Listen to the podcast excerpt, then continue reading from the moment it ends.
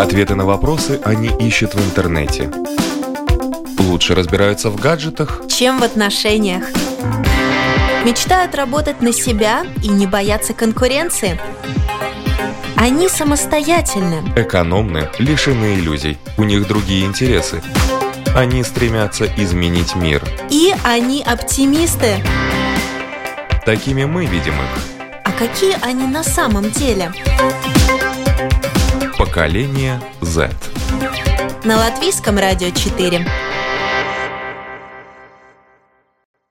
Здравствуйте, в эфире программа «Поколение Z». У микрофона Марина Талапина, видеорежиссер программы Даниэль Йоффе, за операторским пультом Ренис Будзе. И сегодня мне помогает вести программу Светлана Кулакова. А, мы работаем в новой мультимедийной студии Латвийского радио, и теперь вы можете нас видеть на таких медиаплатформах, как YouTube, Instagram, Facebook и, конечно же, наш любимый сайт Латвийское радио 4, LR4. И напоминаю, поколение Z это программа, в которой встречаются молодые люди, подростки. Также мы приглашаем экспертов и говорим на темы, которые также предлагают сами ребята. И тема сегодняшней программы мы обозначили так. Изнасилование. Я хочу это забыть.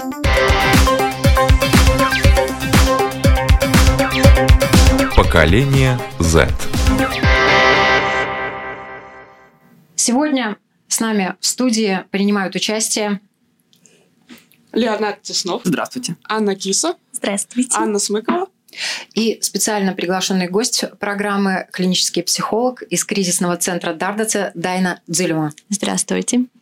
В одной из наших прошлых программ мы обещали показать полное интервью с девушкой, которая подверглась насилию.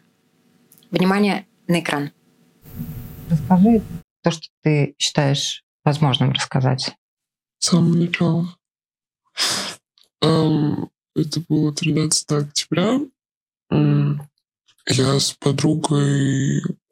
Так получилось то, что мы, мы должны были идти к нашему общему другу, но мы остановились во дворе, сели на скамейку.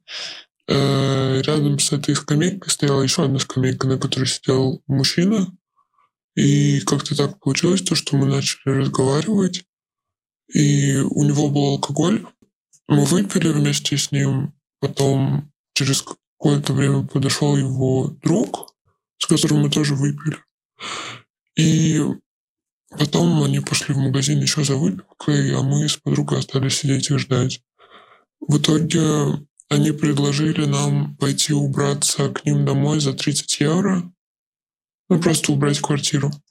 Потому что мужчина приехал, с, только недавно вернулся с моря, и в квартире было не очень чисто.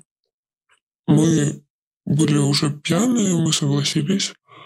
Мы пришли домой, ну, мы, мы выпили еще, и я напилась до такого состояния, что я не могла двигаться. Я легла на кровать, как мне говорила моя подруга, я ну, не слышала ничего, не видела. Я лежала просто, и я была сначала в одной комнате, потом меня этот мужчина перенес в другую комнату. Самого происходящего я не помню. Единственное, что я запомнила, что моя подруга врывается в комнату, бьет меня по лицу, отталкивает этого мужчину. Он уходит там буквально на секунд 15 закрывается дверь, он опять начинает ко мне приставать. И так получилось то, что не знаю, как это правильно сказать. Произошел половой акт, и когда его втор... когда его друг сообразил то, что он фактически насилует несовершеннолетнюю девочку, он начал его оттаскивать, потому что моя подруга этого сделать не могла.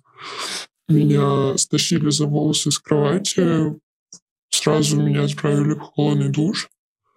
Я отрезвела, они остались в квартире, а подруга меня вывела из дома.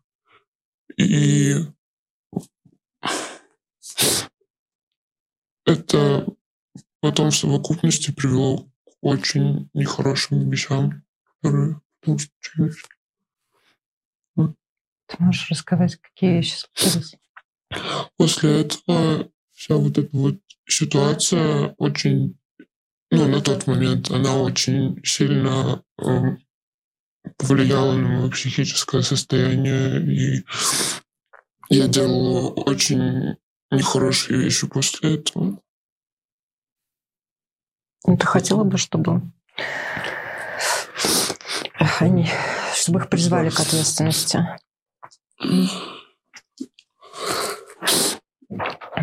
Я отчасти я сама виновата в том, что произошло, но я не хочу портить жизнь тому человеку, у которого есть жена, с, как я понимаю, сейчас уже с годовалым ребенком.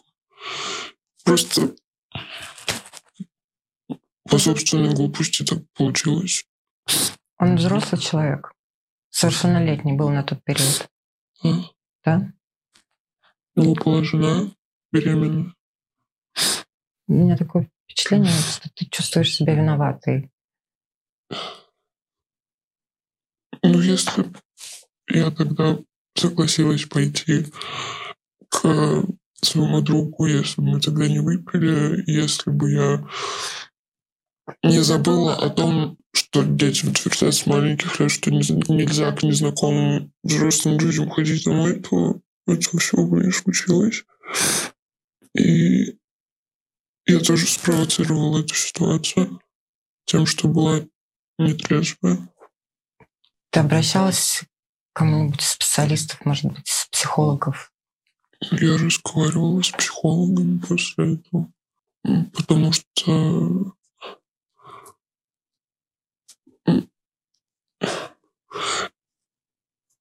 это, это сложно было какое-то время. И я тогда была не в лучшем эмоциональном состоянии. И я пыталась вести счет жизнью из-за этого, потому что это просто было... Ну, это было омерзительно, и это было сложно просто просто принимать это то, какое, как, как это уже все есть. Твои родители ни о чем не догадываются? Нет. Скрываешь от них, да? И они, они не спрашивали о тебе ни, ни о чем, почему ты в таком эмоциональном состоянии? Спрашивали, но помимо того, что произошло, были еще некоторые моменты, на которые я могла списать свое такое депрессивное состояние.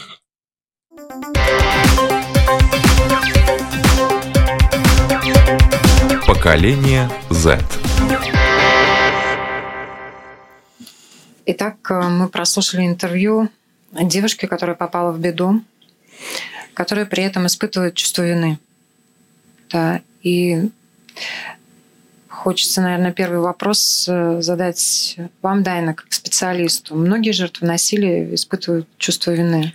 Это, наверное, такая одна из типичных эмоций, да, насколько нам бы не, ну, как бы не было бы со стороны смотря понятно, что, и мне кажется, очень важно это э, осознать, что вся ответственность за такие э, действия тому, кто их э, совершает. И, ну, это очень типичные мысли, типичные эмоции, э, и, ну, да, э, но даже когда э, подросток, например, э, не соблюдал какие-то, не знаю, там направления родителей, что там нельзя куда-то ходить, не знаю, выходить из двора младшим детям, старшим, там, например, вот как э, в интервью э, девочка рассказывала, что она вот пошла дома. Но это все равно а, не вина. Это очень такая одна из целей э, терапии, в принципе, а, разложить а, правильно эти мысли. Кто виноват, а, что правильно, что неправильно. Это одна из целей. Да, эти а, такие эмоции, с которыми часто сталкиваешься в своей работе. Наверное, чтобы понять э, масштабы проблемы, лучше всего назвать цифры статистики. Ань, тебе слово изнасилование в других странах? Да, больше всего изнасилований было зафиксировано, в принципе, в Великобритании. в США, также в ЮАР и в Швеции. Это такие же страны, где больше всего именно зафиксировано. Все-таки давайте брать это во внимание. Я извиняюсь, я просто стала немножко э, эмоциональной из интервью. Я прочувствовалась прям. А, ну, по статистике, в, принципе, э, большая часть жертв насилия даже и не сообщают в полицию о том, что они были изнасилованы. Они даже боятся, в принципе, вспоминать это. Это на самом деле очень страшно. Хотелось бы тоже вернуться к интервью, и родители не знают. И даже не догадываются, что с их ребенком такое произошло. У нас был опрос, который как раз Света и провела. Да. А у нас э, в Инстаграме Латвийского радио 4 мы задали пару вопросов нашей аудитории, на которые они дали весьма печальные ответы в плане того, что э, только 6 из 10 подростков рассказали бы своей семье, своим родителям э, о домогательствах, и из них только каждый третий верит в то, что им вообще могут помочь. Э, то есть э, они даже не, многие не рассказывают просто потому, что не верят в то, что им кто-то поможет, что кто-то что-то может сделать. И это достаточно печально. И печально, и э, вообще, если не близкий, то кто? Ну да, разные, наверное, ситуации, но, в принципе, одна из таких, а, ну, да, почему это так происходит, наверное, то, что нам не безразлично, как себя а, тоже чувствуют наши близкие. Это тоже как бы а, а дети и подростки очень часто волнуются о том, как э, будет реагировать родители, как они себя будут чувствовать. Именно этим очень часто манипулируют, э, если это ну, вот, э, эм, сексуальное насилие, которое продолжается какой-то более, ну, несколько раз, какой-то подольше период, тогда вот, ну, это используется как одна из манипуляций, что вот твои родители будут переживать, будут плакать, да, и то, что будет, э, да, даже, может быть, манипуляция такая, что вот будет как-то тоже, не знаю, тебя ругать, ты ведь тоже, например, там вот э, пошла куда-то, куда нельзя идти. И, ну, вот это все, конечно, очень влияет на то, что э, ребенок может не рассказывать, но, э, ну, довольно все-таки сталкивалась с ситуациями, когда а, подростки рассказывают родителям. И, а, конечно, вначале эта реакция взрослых а, бывает тоже очень разная, и а, этот опыт у каждого разный. Это может быть ситуации, когда а, подростку верить, когда не верить. Это ну, очень важно, чтобы родители в этой ситуации тоже себя ну, вот, э, смогли, наверное, как-то побольше помочь э, подростку. Ну, я бы сказала, им тоже нужна в этом помощь, родителям самим. Это для них тоже ведь очень сложная ситуация. Ну вот как а, Светлана уже упомянула, да, что многие не верят, что помогут, и нас готовят к разным событиям в жизни девочек, к тому, что они там выйдут замуж, станут мамами, мальчики станут папами, женятся. Сначала женятся, потом станут папами, желательно. Ну, по-разному может быть, да, но э, никто не дает инструкций э, о таких э, трагических ситуациях, да, как, как действовать, как быть, и потому что, наверное, отчасти и сами взрослые далеко не всегда знают, как действовать правильно. И то, что показал наш опрос, это очень печальная статистика, да. что вообще никто не знает даже, что делать во время какого-либо домогательства или каких-то ну, поползновений в твою сторону. И с, с этого вытекает вопрос, вы знаете, что делать в такой ситуации? А, к сожалению, не знаю, как в школах, но в университетах, особенно в нашем, сейчас а, ввели новый предмет. Он называется «Гражданская оборона», и на нем специально нам рассказывают, как нужно делать, что нужно делать в критических ситуациях. И насчет изнасилования нам тоже было сказано, что если, к сожалению, такое произошло, то нужно как бы отпустить эту ситуацию, расслабиться. Если хочется в туалет, то сделать это сразу же, потому что это отпугнет насильника. Это нам сказал преподаватель, который э, профессионал в своем деле, в том плане, что он э, в тюрьме работает и разговаривает с этими насильниками. То есть он дал такой практический совет. У нас в школах подобного нет. У нас, у нас даже не рассказывают, что делать, когда до себя домогаются на классных часах. Мы просто либо это Google, либо это разговоры с одноклассниками. Вот откуда ты получаешь, вот откуда мы по большей части получаем информацию.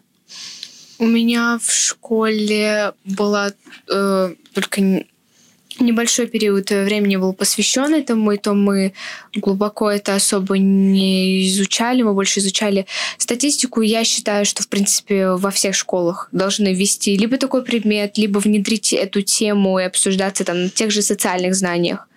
Да, потому что по статистике каждая пятая девушка, женщина в мире была изнасилована но это довольно большие цифры.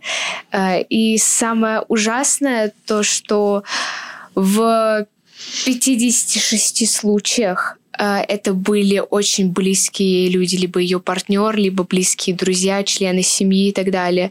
И то, что вот а как поступать в этой ситуации? Я понимаю, когда вот тебя изнасиловал незнакомый человек. У меня бы не было угрызения совести пойти и подать на него заявление, э, ну и тому прочее. А вот если это твой вот член семьи, Многие же э, девушки э, были изнасилованы своими отчимами, к примеру, э, своими дядями, что на самом деле очень страшно. А вот что в такой ситуации делать? Мне кажется, вот это вот самое страшное. Это очень часто, да, о чем ты говоришь, что это именно близкие и знакомые люди. Нам как-то, наверное, э, ну не знаю, как ты говоришь, как бы легче э, думать о том, как бы я поступила или поступил, если бы это э, такой незнакомый человек, но это очень-очень высокий процент. Э, такие последние исследования говорят даже выше э, 80% как бы вот именно близкие люди. И это значит, что э, у человека очень ну, такие противоречивые эмоции. Это ведь э, человек, который, ну, какие-то, бывает, э, отношения с ним ведь есть, э, не знаю, у семьи есть отношения. Это, это очень-очень сложно. Но да, это важно учесть, что это чаще, чем какие-то вот такие, не знаю, на темных переулках незнакомые люди. Но про то, что вот что надо э, информировать и э, обучать детей. Но, в принципе, мы про это думаем уже с раннего возраста детей. И э, у нас в центре Дардати есть программа про безопасность в отношениях. И там, конечно, ну, нет таких а, для маленьких детей инструкций, а, ну, как мы здесь говорим про такое уже а, серьезное последствие, как изнасилование, но, в принципе, про а, разные прикосновения, про части тела, про а, то, как искать помощь, что вот что говорить, как кричать. Ну, вот, э, но это все, конечно, в таком, а, ну, как бы а, возрасте, соответственно, эм, ну, происходит не, мы не, не пугаем детей, а именно вот учим их быть вот такими умными, сильными, а, ну, насколько это возможно, конечно, детей мы все равно всегда должны сами, взрослые тоже оберегать, но чем они будут умнее, а их будет все-таки, ну, труднее обмануть, если про младших. Вот у меня вопрос, э, ну вот лично от тебя. А вот что вот делать, если вот с тобой произошла такая ситуация именно с близким человеком? К кому первому идти? К родителям, в полицию или вот к психологу? Кому Второй лучше? родитель даже не всегда... Ну, если, предположим, изнасиловал отец, я даже слышал о таких случаях, что мать даже не сразу будет разводить, прекращать все общение с отцом и так далее. Но это не, не такая закономерность, это mm-hmm. может быть очень по-разному. Но я бы сказала идти к тому человеку, кому э, ты больше всего доверяешь. И если этот первый человек, э, не знаю, тебе сразу не поверит, не останавливаться никогда, идти еще к кому-то. Но это нелегко, я понимаю. Но, но все равно, как бы, э, да, и говорить про это опять и опять, и найти человека, который все-таки услышит, чтобы это остановить. Я это думаю, это очень важно. Ну, это очень больно говорить об этом опять и опять, особенно да. если недоверие да. вызывает твоя история как в случае, например, это если это отчим рассказать маме об этом, мама наверняка не поверит и будет думать, что ребенок пытается манипулировать, да. Ну, могут быть разные ситуации. Лучше, если не надо про это говорить снова и снова. Идеальный вариант, конечно, тот, как, когда первый взрослый а, сразу реагирует, а, что все как бы тоже это юридический процесс тоже а, происходит, ну не несколько раз повторяя эту историю, потому что мы ведь, наверное, все можем представить, что даже если, ну вот не знаю, мы вот в одной комнате сидим, не знаю, первый раз э, я вас вижу, если вы, ну, вот нам надо было даже не про насилие, а про какой-то нормальный сексуальный опыт рассказать в деталях. Это ведь очень сложно, это очень интимный опыт. А если это еще про а, такое насилие, это ведь э, ну, это очень трудно про это говорить. Да, и мы здесь э, как бы сегодня вот вы а, ну, больше э, говорим про как бы изнасилование, но а, эти формы а, сексуального насилия ведь э, гораздо, ну, как бы не только эта форма, это как бы такое, да, самое а, яркое, но есть ведь формы, которые, в которых все равно даже там можно и без прикосновений использовать э, человека, не знаю, там подвергать, например, что заставлять смотреть порно графические видео, ну или как бы снимать самого подростка, ребенка. Это все как бы все равно есть очень-очень реальные последствия тому, ведь э, даже если это без прикосновений происходит. Можно ли это забыть? И что нужно сделать для того, чтобы человек прошел это слово успешно неуместно, да, но чтобы он смог жить дальше, да. Э, но эту страницу своей истории перевернул. Угу. Ну, я, наверное, бы сказала, что забыть, наверное, не, ну, нельзя, но вот такая цель, наверное, должна быть такая, что вот э, это включить как, да, событие своей жизни, но жить дальше, а, жить дальше, как бы справляться со своими эмоциями, понять, что Э, не я а виноват в этой ситуации, а, поверить э, в то, что я могу жить дальше, что у меня возможно хорошее будущее и много хороших э, вещей в жизни, да, отстоять в каких-то ситуациях свое, ну, свои границы, потому что это тоже очень влияет на способность постоять за себя, когда уже кто-то так грубо как бы переходил эти границы, и это может повлиять. Как бы все эти цели, да, они но я уверена, что можно с этим справиться и жить. И да, если, ну да, я, я наверное, скажу, что ну, нужна помощь, нужна одному человеку, это трудно сделать. А, предположим, мне подруга рассказала, что ее изнасиловали. Как я могу ей помочь? Угу. Но если она не хочет делиться с этим родителям, ну как я ей могу помочь? Ну, ты знаешь, что она никому не говорила это, да? Да. Угу. Ну, и ты, и ты, если ты видишь, что она наверное, переживает. Э, но я бы, наверное, советовала все-таки ну, э, знаете, мы говорим с такими, ну, помладше, с детьми, и э, я в консультациях это говорю и со, ну, со взрослыми, и со всеми, в принципе, что есть хорошие тайны и плохие тайны. И, наверное, это никогда не надо а, кому-то говорить, не сообща самому человеку, но, наверное, поддерживать, если ты видишь, что это мешает человеку жить, ну, как-то поддержать, чтобы она все-таки искала помощь. Эм, и, ну, вот если я про себя могу сказать, если мне, например, кто-то на консультации говорит что-то, что и говорит, что, ну, я не хочу, чтобы кому-то ты рассказала, но бывают тайны, про которые я говорю, что не могу это оставить у себя. Это плохая тайна, это чтобы тебе помочь, ее надо рассказать. Я бы хотела вернуться немного к статистике. Как было сказано ранее, каждый третий не верит в то, что ему вообще хоть как-то кто-то поможет. И, соответственно, в полицию идут э, еще меньше людей. И вот почему они не идут, э, что ими движет, чего они боятся вообще, как, как все думают. Возможно, они боятся за судьбу этого человека, который сделал такое плохое дело. Особенно если это знакомый, а вдруг его накажут, скажем так. А его накажут. Его накажут. А его накажут, да. Но это был близкий э, твоего члена семьи, и вот как он на это отреагирует, как было сказано ранее, как вот отреагируют родные, мы волнуемся, волнуемся за родных. А вдруг им будет больно из-за нашей боли, то, что того человека наказали.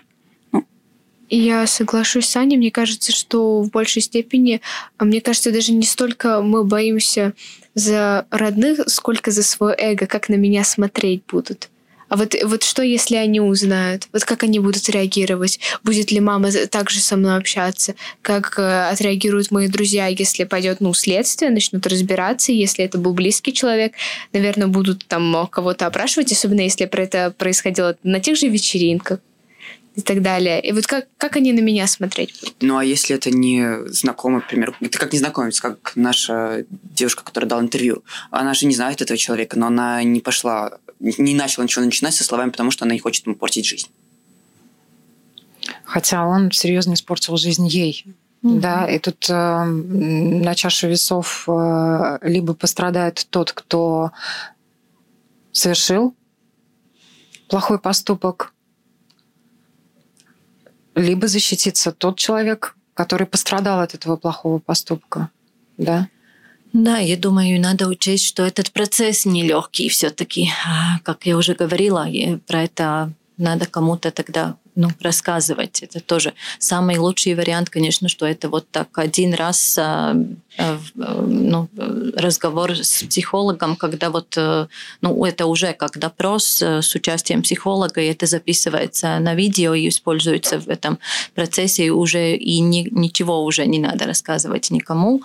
Но это не всегда так идеально происходит. Так, так что да. Но плюсы, наверное, в том, что вот да, вот этот, э, ну, это способ остановить этого человека все-таки чтобы он а, ну, не повторял свои действия. И опять же, вот эти, ну, можно сказать, мысли о том, а, кто виноват. Но здесь, мне кажется, очень-очень нужна поддержка и, и самому подростку, и родителям. Иногда бывает, что вот, ну вот как бы, а, может быть, этот э, ну, родитель сам а, и поверил, и а, готов поддерживать ребенка, но вот есть другие родственники, которые ну, реагируют по-другому. Там уже как бы, ну, такая кризисная ситуация для, для всей семьи то, что хорошо, что вот уже ну, несколько лет э, как бы а, а, ну, это такая норма, что вот консультации в таких ситуациях бывают не только у, а, ну, например, самого подростка или ребенка, но и у родителей, чтобы они могли это тоже все и выдержать, и лучшим способом поддерживать ребенка. Потому что это, ну вот,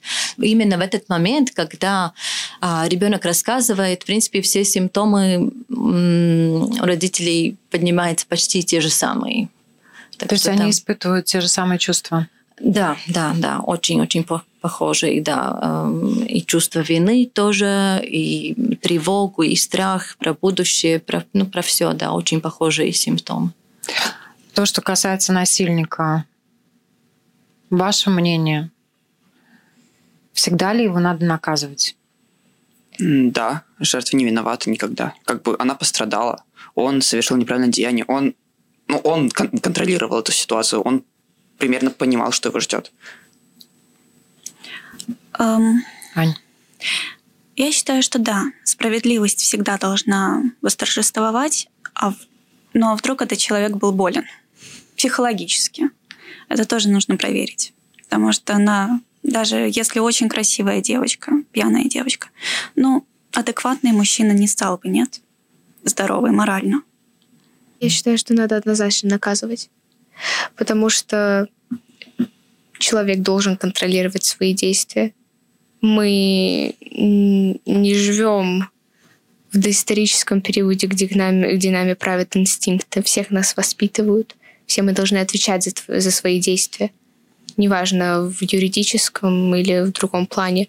Я не считаю, что насилие это пол, э, это половой акт. Насилие это все-таки показатель того, ну, показатель власти. Конечно, разные формы насилия. Там, наверное, будет э, ну, про ответственность однозначно, да, это, я думаю, что должны быть последствия, это отдает эту ответственность, это, мне кажется, должно быть очень ясно. Но да, про, про эти типы, которые, типы разные, которые по-разному а, есть, это именно такое, а, да, власть, э, но есть, э, конечно, в реальности э, это очень часто такие, ну, несозревшие, несозревшие личности, да, но э, все равно это выбор э, человека. Э, он может этого делать и не делать. Наказание насильника, оно как-то может помочь жертве справиться с тем, что произошло с ней? А, есть жертвы, которые говорят про это, что им это очень важно эмоционально, почувствовать, что это ну да, справедливость э, наступила, но а, есть кто больше как бы в этом этапе, что вот вообще не хочется про это думать, тогда ну, не всегда как бы это самое важное. Когда ну вот больше, я не говорю, что это правильно или неправильно какой-то вариант, но вот а, заботиться о себе, а все вложить в это, ну, чтобы я жил дальше. И это может быть и то, и другое. Насколько жертвы изнасилования боятся самого следствия, общения с, с тем, кто его ведет? С полицией ты имеешь в виду? Ну, ну да, с полицией, с представителями власти. Ну, я думаю, что это процесс, когда, опять же, надо вспоминать какие-то детали происше... этого происшествия, да, как бы этого насилия. И, конечно, есть эмоции, связанные с этим. Это такая, ну вот как э, ретравматизация, да, и ну, как я говорю, в лучших случаях, что это не повторяется несколько раз, что надо, но да, но бывает по-разному. По закону наказать да. насильника можно только обратившись в полицию. Начальник третьего отдела управления уголовного розыска Главного управления криминальной полиции Олег Ловчиновский рассказал в интервью Латвийскому радио 4 о том, как могут помочь правоохранительные органы в такой ситуации. Давайте послушаем. Мы видим, что с каждым годом к нам все больше приходят людей, которые сообщают о сексуальном насилии, которое они пережили в детском возрасте, что произошло 5, 10, 15 лет назад. Если раньше люди абсолютно не верили, что это возможно расследовать и не обращались, то сейчас мы видим, что приходят и действительно сообщают, что сейчас мне 30 лет, 15 лет назад со мной произошла такая история. Вот я решилась, я пришла, хочу вам рассказать, накажите этого человека, он до сих пор живет у нас по соседству. Я хочу, чтобы его наказали. Таких ситуаций все больше. Если говорить об изнасилованиях, то в среднем в год регистрируется около 50 изнасилований. А, здесь нужно понять такой момент, что информацию мы получаем очень различными способами. И дети обращаются, приходят с родителями. Бывает, что дети рассказывают э, школьному педагогу, социальному педагогу, тренеру в своем кружке. Не всегда, к сожалению, родители – это те люди, кому дети могут довериться, поэтому информация приходит очень различными путями. Также мы сами ведем какую-то оперативную деятельность и узнаем об этой информации. Но в любом случае, каким бы образом мы ее не узнали, когда дойдет ситуация до того момента, когда будет необходимо допрашивать ребенка, в любом случае родители будут поставлены в известность, поэтому родители являются его естественными опекунами, и они не могут не знать о том, что их ребенок попал в такую ситуацию.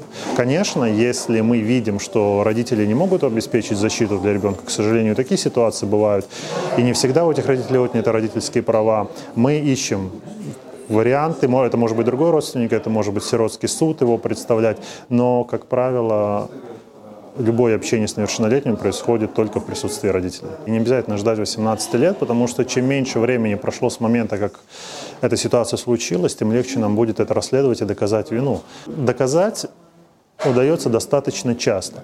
Э, надо понимать, что это дела очень сложные, и это дела, где, как правило, нет ни свидетелей, ни вещественных доказательств.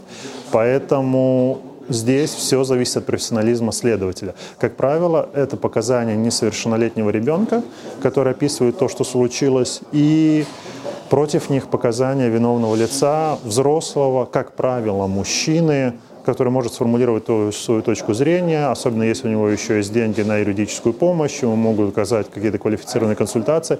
Это очень сложно для доказания дела, но у Латвии суды и прокуратура достаточно благосклонно смотрят на расследование таких дел. У нас еще не было случаев, чтобы у нас отказывалась прокуратура принимать дела из-за того, что там все базируется только на показаниях ребенка.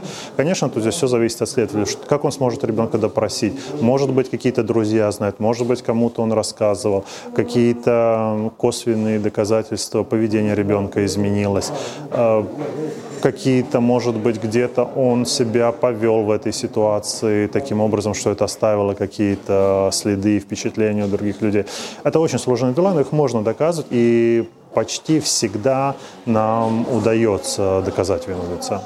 Бывают ситуации, когда известен случай, э, но жертва либо испытывает чувство вины, либо по каким-то другим причинам, боясь огласки, не идет подавать заявление. В таких ситуациях, если нет заявления, то, соответственно, и не возбуждается дело.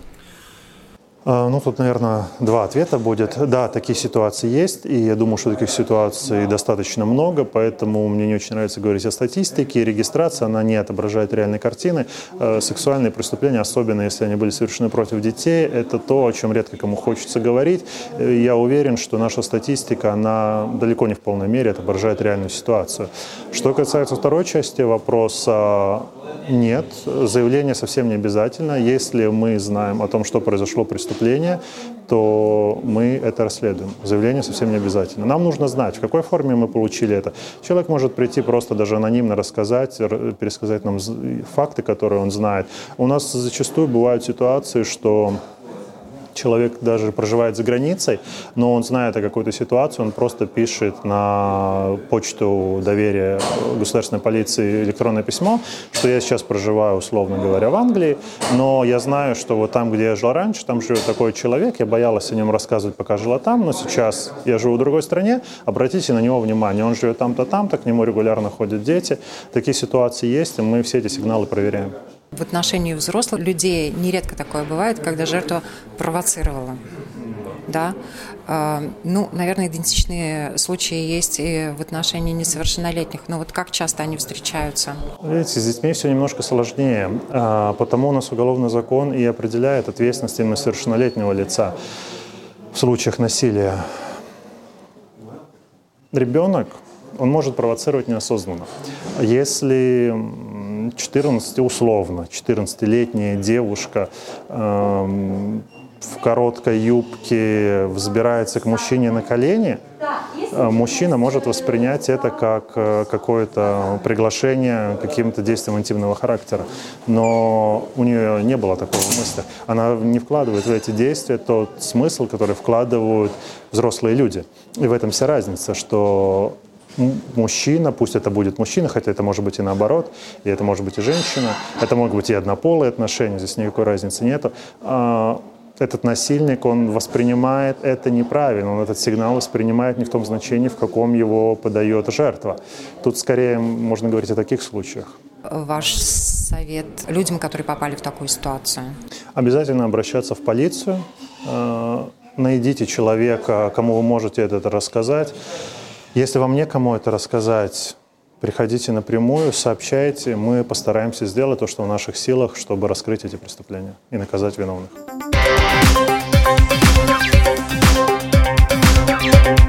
Поколение Z. В эфире программа «Поколение Z». Рядом со мной Светлана Кулакова. И Марина Долапина. И мы сегодня э, говорим об изнасиловании я хочу это забыть. Вот э, представитель госполиции Олег Ловчиновский, он рассказал, что обращаются люди спустя 15 лет даже, приходят и просят наказать виновного, потому что не могут с этим смириться. Это мешает им жить. Да? Часто ли вы в своей практике встречаетесь э, с такими случаями, когда много лет спустя человека все равно тревожит. Он не может продолжать полноценно, нормально жить, э, наслаждаться жизнью, потому что его все время откидывает назад к той ситуации. Я думаю, что да, конечно, если этот опыт не переработан, если не созданы, не переработаны эти эмоции, эти мысли, то это как бы разные, даже нейтральные ситуации, которые у нас у всех в жизни есть, э, действительно, как бы, ну вот, ну, эта реакция такая, что вот опять же, опять эти эмоции всплывают и мешают нормально жить. И да, это может э, длиться очень долго и мешать. Это как у нас как такая, ну, незажив, незажившая рана, можно так сказать. Если вот что-то как-то мы немножко, не знаю, там можем как-то э, пытаться не дотрагиваться, но все равно э, это невозможно совсем. И э, если э, это получить эту помощь, я думаю, что реально есть возможность хорошо жить дальше. А, и у меня есть такой вопрос ко всем. Все мы слышали когда-либо фразу «насилие порождает насилие». Вот насколько реально, что вот над человеком совершили какое-либо насилие, неважно какого характера, и вот все, он сломался. То есть он начинает делать действия не лучше того человека, кто совершил над ним то же самое. Вот что вы думаете об этом? Я думаю, насилие принесло травму человеку из-за того, из-за этого у него пошатнулась психика, и уже эта сломанная психика, которую как полностью не излечили, наносит вред людям. А, я бы хотела привести пример одного фильма, всем нам известного «Джокера». И а, если вы видели и знаете историю, то он стал психопатом, извините, если неправильное слово, только потому, что над ним издевалась мать. Он об этом не знал и не знал, откуда у него психологические проблемы. Но оказывается, все пришло из детства, что над ним сделали насилие, а потом он решил ну, мстить всем остальным. Как-то так. Мне кажется, что май, э, вот женщины, которые пережили насилие, неважно в каком возрасте, они потом все-таки как-то на воспитании детей это очень сильно отражается. Но это мое мнение. Я, я думаю, еще хотела... на отношении с мужчиной тоже. Ну, это, конечно, mm-hmm. я знаю людей, которым, ну, у них не был, так сказать, совершен сам половой акт, но к ним домогались, и что эти равно. люди боятся просто стоять рядом с мужчинами, не то что выстраивать с ними э, романтические отношения. Многие даже начинают бояться собственных пап, э, дяди и так далее. Это очень страшные вещи, я бы хотела спросить об этом у эксперта. Mm-hmm. Если а, вернуться к вопросу, человек, который пострадал из сексуального насилия, будет ли он тоже э, совершать сексуальное насилие над другими, то, в принципе, э, исследование показывает, что это все-таки ну, э, небольшая часть, не всегда это так, э, как такое, ну вот закономерность. И это, конечно, а, связано с тем, а, получает ли человек помощь, а, поверили ли ему а, от разных ресурсов. Не, не могу сразу все перечислить, но это ну, никак, э, да, не всегда так. А, про последствия, да, в отношениях, конечно, опять же, а, а, важно получить эту помощь, и тогда эти последствия будет меньше. То, что я в своей работе сталкиваюсь, что вот а, женщины, которые, ну вот мамы, которые уже, а, ну, выросли, у них уже дети, а, и их дети попадают ко мне на э, терапию в связи с э, опытом сексуального насилия, ну, не так редко, что оказывается потом, что э, мама пострадала, но не получала помощь. Это механизм такой, что вот э, этот вопрос, опять же, как я уже говорила, такой он, ну, вот такой больный, он такой, когда восприятие тоже и, ну, и трудно говорить, например, про какие-то вот сексуальные темы так нормально, э, соответственно, возрасту с ребенком. Все это как бы, опять же, так же, так как это такая больная тема у мамы, это она может что-то не видеть. Поэтому, да, очень-очень важно эту помощь получить. Тогда, я думаю, это а, может человек вырасти, нормально воспитывать детей, а создавать отношения. Это все возможно. Это так. Давайте подводить итоги жить дальше возможно. А, я думаю, что вот э, на английском есть такой, а, такое слово survivors, которые ну, вот выживают люди, которые, да. Я думаю, что у нас у каждого в жизни бывает разный опыт, трудный опыт. Я думаю, что вот больше надо этих рассказов, что и после трудных ситуаций может человек жить дальше. Важно, чтобы он не остался один с этим. Это то, что я могу сказать. И для юных э, телезрительниц или даже телезрителей, которые переживают домогательство или любые формы насилия, я хочу сказать, насилие — это не случайность, насилие — это выбор. Поэтому обращайтесь, пожалуйста, и не оставляйте таких людей безнаказанными. Дорогие родители, если к вам обратился ребенок с такой плохой ситуацией, пожалуйста, примите его, обнимите. Ему очень плохо, вам тоже плохо, но вместе вы справитесь. Если твой друг или подруга рассказали о изнасиловании, ты помоги ему подготовиться с там, тем, чтобы он рассказал это полиции, родителям и всем остальным. Помоги ему пережить это.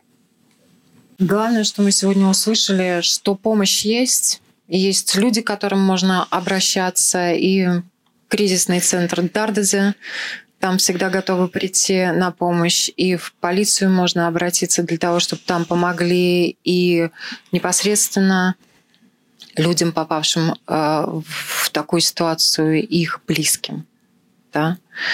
Спасибо большое, что были с нами. Спасибо, что участвовали в программе. Я напоминаю, у нас сегодня в студии Анна Киса, Леонард Теснов, Анна Смыкова, Светлана Кулакова и наш специально приглашенный гость, клинический психолог из кризисного центра Дартеце Дайна Дзюлема. Всем хорошего дня! Ответы на вопросы они ищут в интернете. Лучше разбираются в гаджетах, чем в отношениях. Мечтают работать на себя и не бояться конкуренции. Они самостоятельны. Экономны, лишены иллюзий. У них другие интересы. Они стремятся изменить мир. И они оптимисты. Такими мы видим их. А какие они на самом деле? Поколение Z. На латвийском радио 4.